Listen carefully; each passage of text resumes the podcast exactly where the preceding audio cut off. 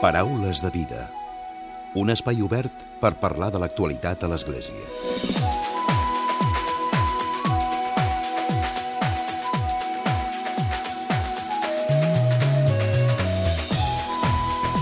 Què tal? Salutacions i molt bon dia, molt bon diumenge. Mans Unides posa en marxa aquest mes de febrer la seva tradicional campanya de sensibilització.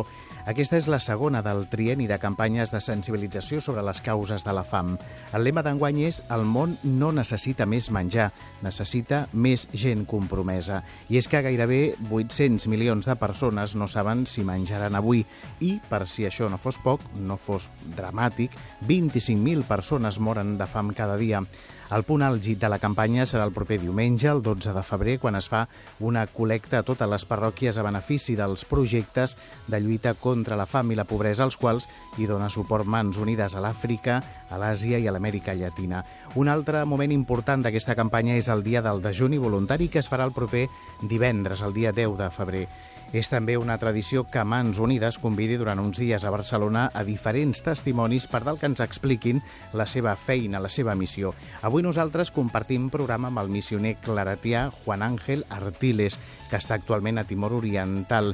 I també parlarem amb Joan Martí, que és el president de Mans Unides a Barcelona. De seguida el saludem.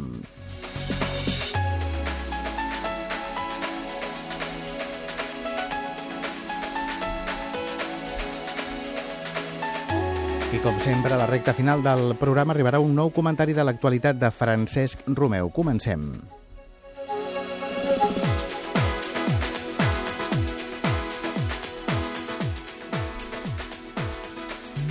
I saludem, donem la benvinguda a Juan Ángel Artiles. Bon dia i bienvenido. Buen día, muchas gracias. Bienvenido a Barcelona. Muchas gracias. I també ens acompanya en Joan Martí, que, com dèiem, és el president de Mans Unides a Barcelona. Joan, benvingut també. Hola, bon dia. Ara coneixerem el testimoni del Juan Ángel, però primer de tot, la campanya, novament, sempre comencem l'any amb l'inici de la campanya de Mans Unides, oi? Quin és l'objectiu d'aquesta campanya?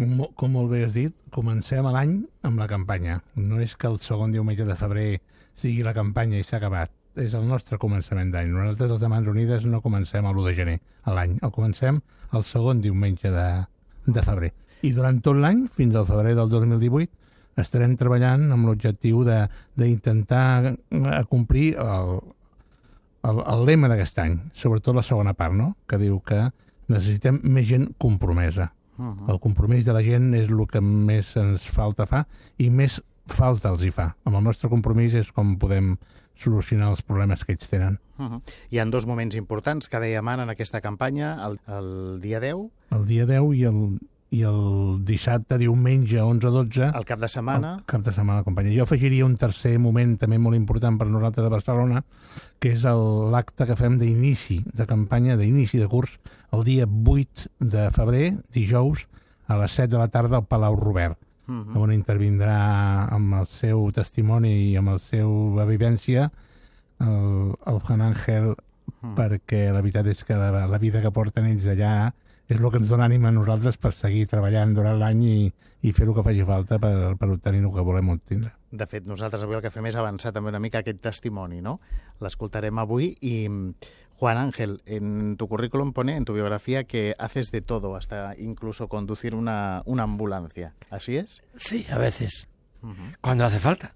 Cuando la, la ambulancia del centro de salud que tenemos al lado eh, pues está estropeada, como nuestro coche es un coche largo, tiene más de 6 metros, pues podemos echarle detrás, la parte de atrás, un colchón y llevar, pues normalmente, pues mujeres que van a dar a luz. Entonces, como el hospital provincial está a 17 kilómetros, pues bueno, hay que llevarlas, no hay problema. ¿Cuándo empieza tu, tu misión en Timor Oriental?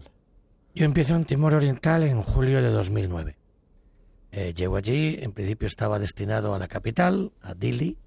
Eh, bueno, tengo la licenciatura en teología dogmática y entonces eh, ya llega- habíamos llegado a un acuerdo con el obispo de Dili en que yo fuera profesor de de del seminario mayor de teología, de diversas asignaturas. Al final fueron tres asignaturas, si yo recuerdo bien. Uh -huh. Y bueno, el 2013, eh, en julio, bueno, se me brindó la oportunidad eh, de poder cambiar de destino, ir a- a- al sur de la- del país, eh, pegado a la frontera con Indonesia, un distrito que se llama Kobalima, eh, cinco cuevas, si lo tradujéramos para nosotros. Y allí, bueno, pues tenemos una parroquia, llevamos un centro de formación profesional y también tenemos un proyecto de agricultura que comenzamos allá por el año 93, otro compañero, y ahora seguimos nosotros. ¿Y cómo es el día a día? Hombre, el día a día de la gente es, es duro. De Timor-Leste, eh, como digo yo, no empezó de cero, sino que empezó con números negativos, ¿no? Eh, cuando finalmente Indonesia se va en 1999, tras el referéndum, el 31 de agosto, en cuestión de dos semanas, eh, las infraestructuras que Indonesia había construido durante prácticamente 25 años, pues digamos que el 75-80% de ellas las destruyó otra vez. Mm. Yo creo que el mensaje era, vas a volver a cuando yo no estaba, ¿no? Entonces eh, destruyó la infraestructura eléctrica, todas las redes, bastantes puentes. El país echó para atrás yo creo que aproximadamente 40 años, ¿no? Entonces, ahora mismo, han pasado 17 años, todavía el 40% de la población no tiene luz. Es decir, que se ha ido avanzando muy poco a poco.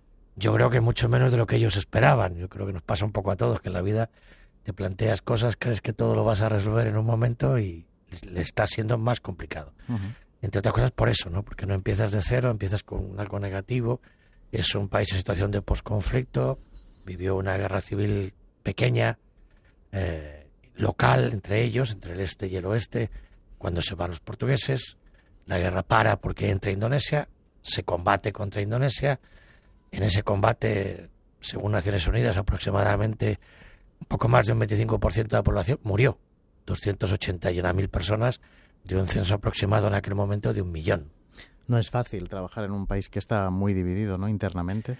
Pero yo creo que ahora, eh, yo creo que están un poco más a otra cosa, gracias a Dios. más a lo que les une que a lo que les divide, ¿no?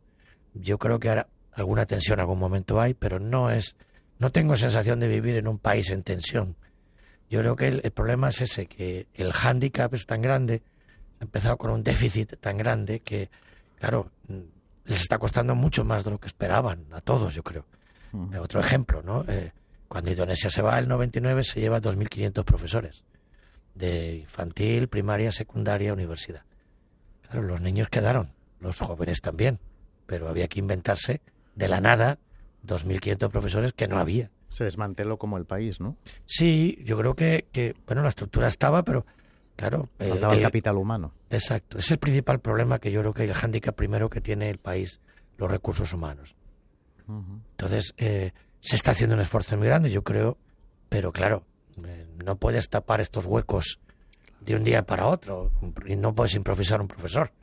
E incluso aunque le des posibilidad de, unos cursos intensivos. Todo necesita su tiempo. Claro. ¿Y cómo es la vida en la parroquia? Yo creo que la vida en la parroquia eh, lo que vemos es pues unas, unas personas que tienen una, digamos unos terrenos, por ejemplo, unas, unas fincas muy pequeñas e intentan una agricultura de subsistencia, de supervivencia, eh, con unos métodos tradicionales que produce bastante poco. Y bueno, pues eh, yo creo que son los artistas del alambre. Yo creo que sobreviven más que otra cosa, ¿no? Y, yo creo que el problema es, entre otras cosas, que muchas veces no, no ven otra forma de salir adelante, ¿no? Entonces, nosotros nos planteamos, primer lugar, ya en el 93, ¿no? Cuando todavía estaba Indonesia, porque tenía un problema de semillas muy importante, comenzamos con este proyecto de agricultura Claret, pues eh, aportándoles semillas, aportándoles, intentando que poco a poco consiguieran una cierta estabilidad económica y pudieran salir adelante poco a poco el 2005 nos encontramos, pues ese, que el panorama después de cinco años de independencia, el programa del sistema educativo, pues estaba avanzando muy despacio, entonces quisimos aportar nuestro granito de arena, ¿no? Por eso abrimos el centro de entrenamiento Claret, al principio sin, con un, programa de estudios que nosotros nos inventamos de la nada, según lo que nos parecía, y el 2013 nos hemos incorporado al nuevo sistema de formación profesional que ya el gobierno ha implantado. Por tanto, ya hay un camino recorrido, ¿no? En, el, ámbito educativo también, ¿no? Gracias a Dios. Nosotros en, desde 2005 a 2016 llevamos 1.100 alumnos, más o menos. Alumnos y alumnas. ¿Y a nivel de parroquia cuánta, cuánta gente hay? Oficialmente tenemos unos 8.700 parroquianos. Lo que pasa es que la evangelización en Timor-Leste, que fue una evangelización primero desarrollada por los portugueses y que el fruto, más o menos, dicen que el año 74 era como 20-25% de católicos, cuando la invasión de Indonesia son tropas eh, musulmanas, la mayoría gente que profesaba el Islam, pues curiosamente del 75 al 80, de un 20-25 subimos a casi un 80 y del 80 al 90, del 80 se pasó 80% de población católica casi a un 90 y tantos por ciento. Entonces, ¿qué es lo que ocurrió? Pues yo creo que el problema es que esa evangelización adolecía de falta de agentes de pastorales. Claro, no, no es lo mismo tener eh, catequistas para 200.000 personas, 20% de la población, que tener catequistas para 800.000 personas. Entonces, fue una labor muy ingente, muy dura. Yo conozco eh, hermanas carmelitas españolas que estuvieron allí y me lo contaban, era un sin parar de ellas, pero claro, era una formación muy limitada en el tiempo, muy espaciada en el tiempo, entonces la formación que se les pudo dar, e información también que se les pudo dar, lo que significaba ser cristiano y ser católico, pues fue muy, muy superficial, ¿no? Entonces, digamos que para mucha gente no han tenido una segunda oportunidad de poder profundizar, ¿no? Lo que aquí vivimos muchas veces con mucha naturalidad de catequesis semanal del niño o del joven o del adolescente o los grupos de adultos que se reúnen semanalmente, allí es bastante complicado. Mm. La misión claretiana eh, tiene mucha implantación. Estamos allí desde 1990. 2015 celebramos 25 años. Por tanto, también hay un recorrido, ¿no? Una trayectoria. Gracias a Dios, sí. Uh -huh.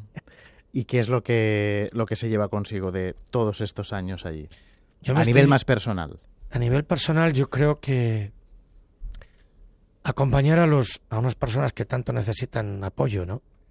Que creas en ellos, que, que creas que su futuro es posible, les acompañas, ¿no? Yo, yo siempre pienso que si les hemos legado un pasado tan tremendo y tan trágico, ¿no? Tan, los números rojos yo también estoy pensando que también son rojos de sangre, ¿no? De tanta gente muerta, ¿no? Pues si les hemos, les hemos dejado un, un legado, un pasado tan malo, tenemos la obligación de acompañarles y proporcionarles lo que podamos para que ellos construyan un futuro brillante a la medida posible. ¿no? Uh -huh. Para mí es, es un privilegio, ¿no? estar entre ellos es un privilegio. Juan, y, y, antes de acabar también a Juan, el mensaje para nuestros oyentes, que ya estamos a punto de acabar, para que apoyen a Manos Unidas. De hecho, hoy vemos también el ejemplo, pero ¿qué, qué dirías a los oyentes Yo en este mes importante para Manos Unidas? Muy sencillo. Manos Unidas a nosotros nos ayuda a que las ideas y los proyectos se hagan realidad. Sin la aportación, sin la ayuda, sin la colaboración de Manos Unidas, muchas buenas ideas que podamos tener se quedarían ideas. Y segundo, eh, cuando la gente me dice, sí, yo quiero comprometerme, pero no sé cómo, yo les diría, como me enseñó mi padre, ¿no? Juan Ángel, tú no necesitas saber de todo. Júntate al que sabe.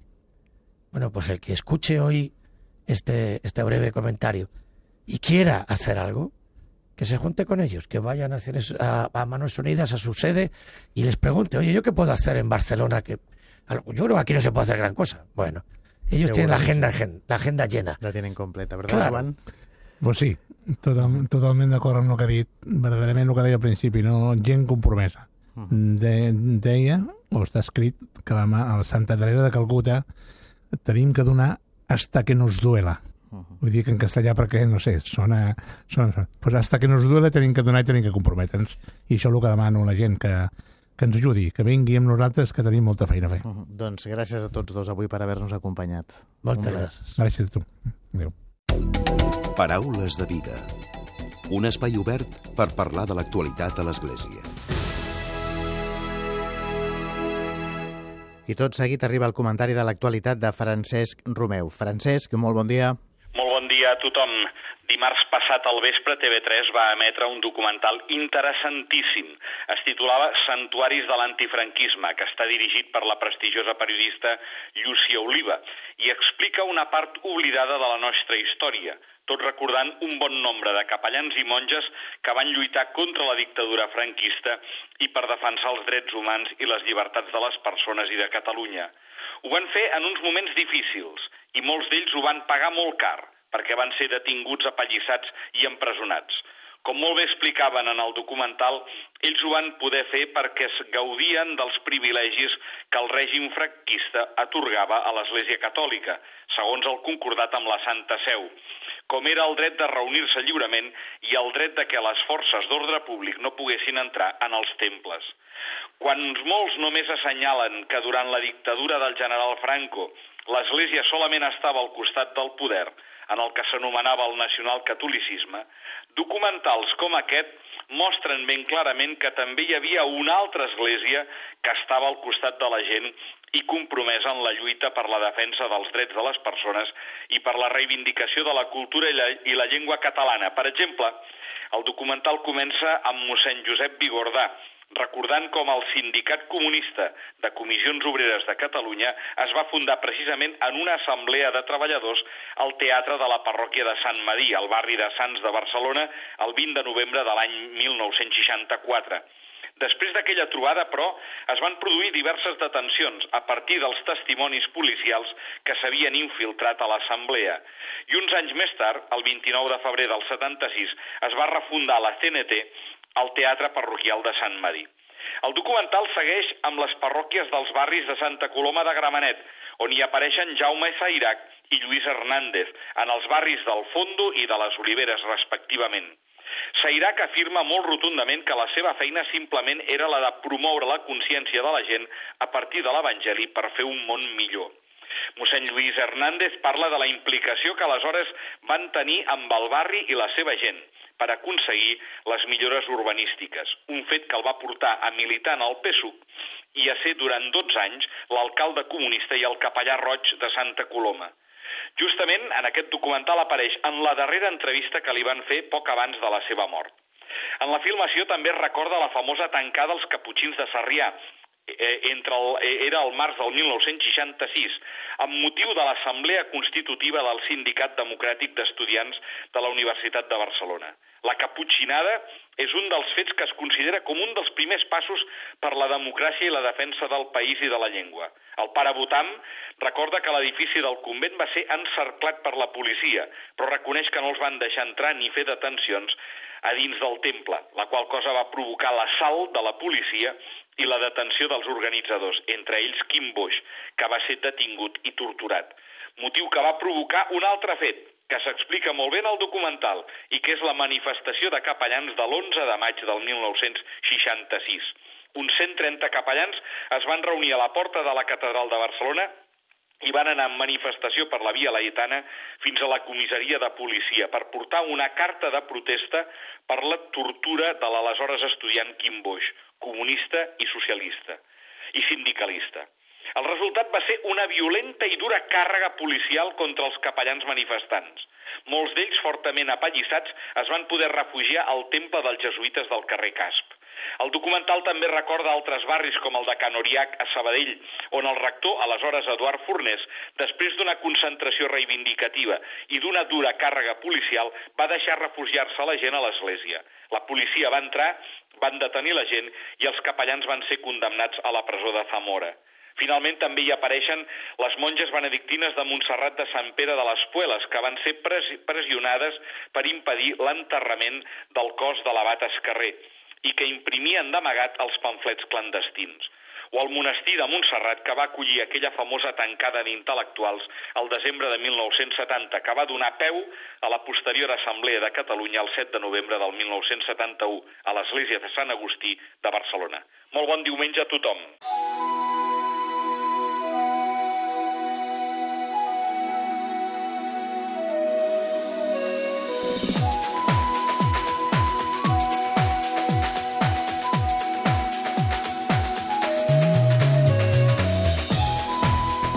Fins aquí el Paraules de Vida d'aquesta setmana. En Diego Monroy i en Josep Maria Campillo han estat al control tècnic i qui us ha parlat l'Emili Pacheco. Que passeu bon diumenge i una molt bona setmana. Us oferim la carta dominical de l'arcabisbe de Barcelona, Joan Josep Omella.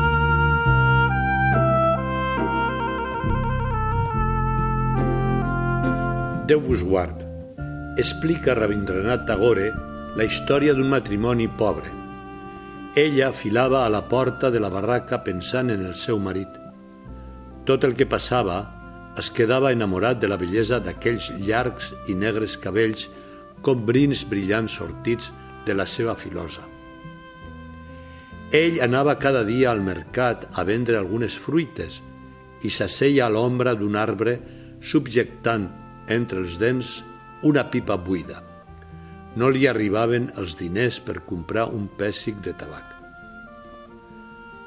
S'acostava el dia de l'aniversari del casament i ella no parava de preguntar-se què podria regalar al seu marit i, a més, amb quins diners. Tot d'una va tenir una idea.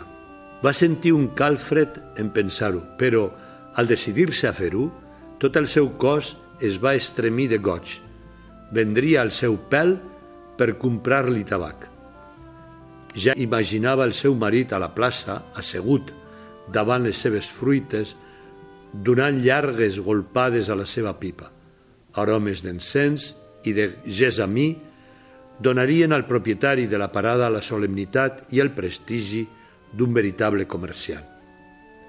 Només va obtenir pel seu bonic cabell unes quantes monedes, però va poder triar amb cura el més fi estoig de tabac. El perfum de les fulles arrugades compensava llargament el sacrifici del seu pèl. En arribar la tarda, va tornar al seu marit. Venia cantant pel camí. Portava a la mà un petit embolcall, unes pintes per a la seva dona que acabava de comprar després de vendre la seva pipa. Benvolguts germans, com relata aquest conte, el veritable amor es dona suport i creix gràcies a les renúncies, als sacrificis fets per l'altre, per la persona a la que estimem. Això s'entén fàcilment. L'entenen bé els esposos que s'estimen de veritat i els pares que saben sacrificar-se, privar-se de tantes i tantes coses pels fills. Això és el que ens va ensenyar Jesús al fill de Déu. Si algú vol venir amb mi, que es negui a ell mateix, que prengui la seva creu i que em segueixi. Qui vulgui salvar la seva vida, la perdrà, però el qui la perdi per mi, la trobarà. I diu també, qui estima el pare o la mare més que a mi, no és digne de mi. Qui estima el fill o la filla més que a mi, no és digne de mi. Qui no pren la seva creu i em segueix, no és digne de mi. Qui haurà guanyat la seva vida la perdrà, però qui l'haurà perduda per causa meva la trobarà. El sacrifici i la renúncia no és una cosa dolenta, no és masoquisme, com alguns diuen, és fruit d'un amor generós i quan es renuncia per amor a Déu i als germans, això produeix una pau i una felicitat indescriptible i ho entenen qui estimen de veritat i han renunciat moltes vegades per amor. L'egoista, el que està centrat sobre si mateix i no cerca més que el seu propi gust i plaer, no entén això ni arriba a gaudir en profunditat de la vida. Crist, el fill de Déu, ens va donar un exemple preciós d'aquesta renúncia per amor. Ell va donar la vida per salvar-nos diu Sant Pau, ell és Enric, es va fer pobre per vosaltres, perquè us enriquissiu avec la seva pobresa. Que no deixem d'apropar-nos al crucificat i contemplant-lo amb amor aprenguem el valor del sacrifici i de la renúncia per amor. Que Déu us beneixi a tots.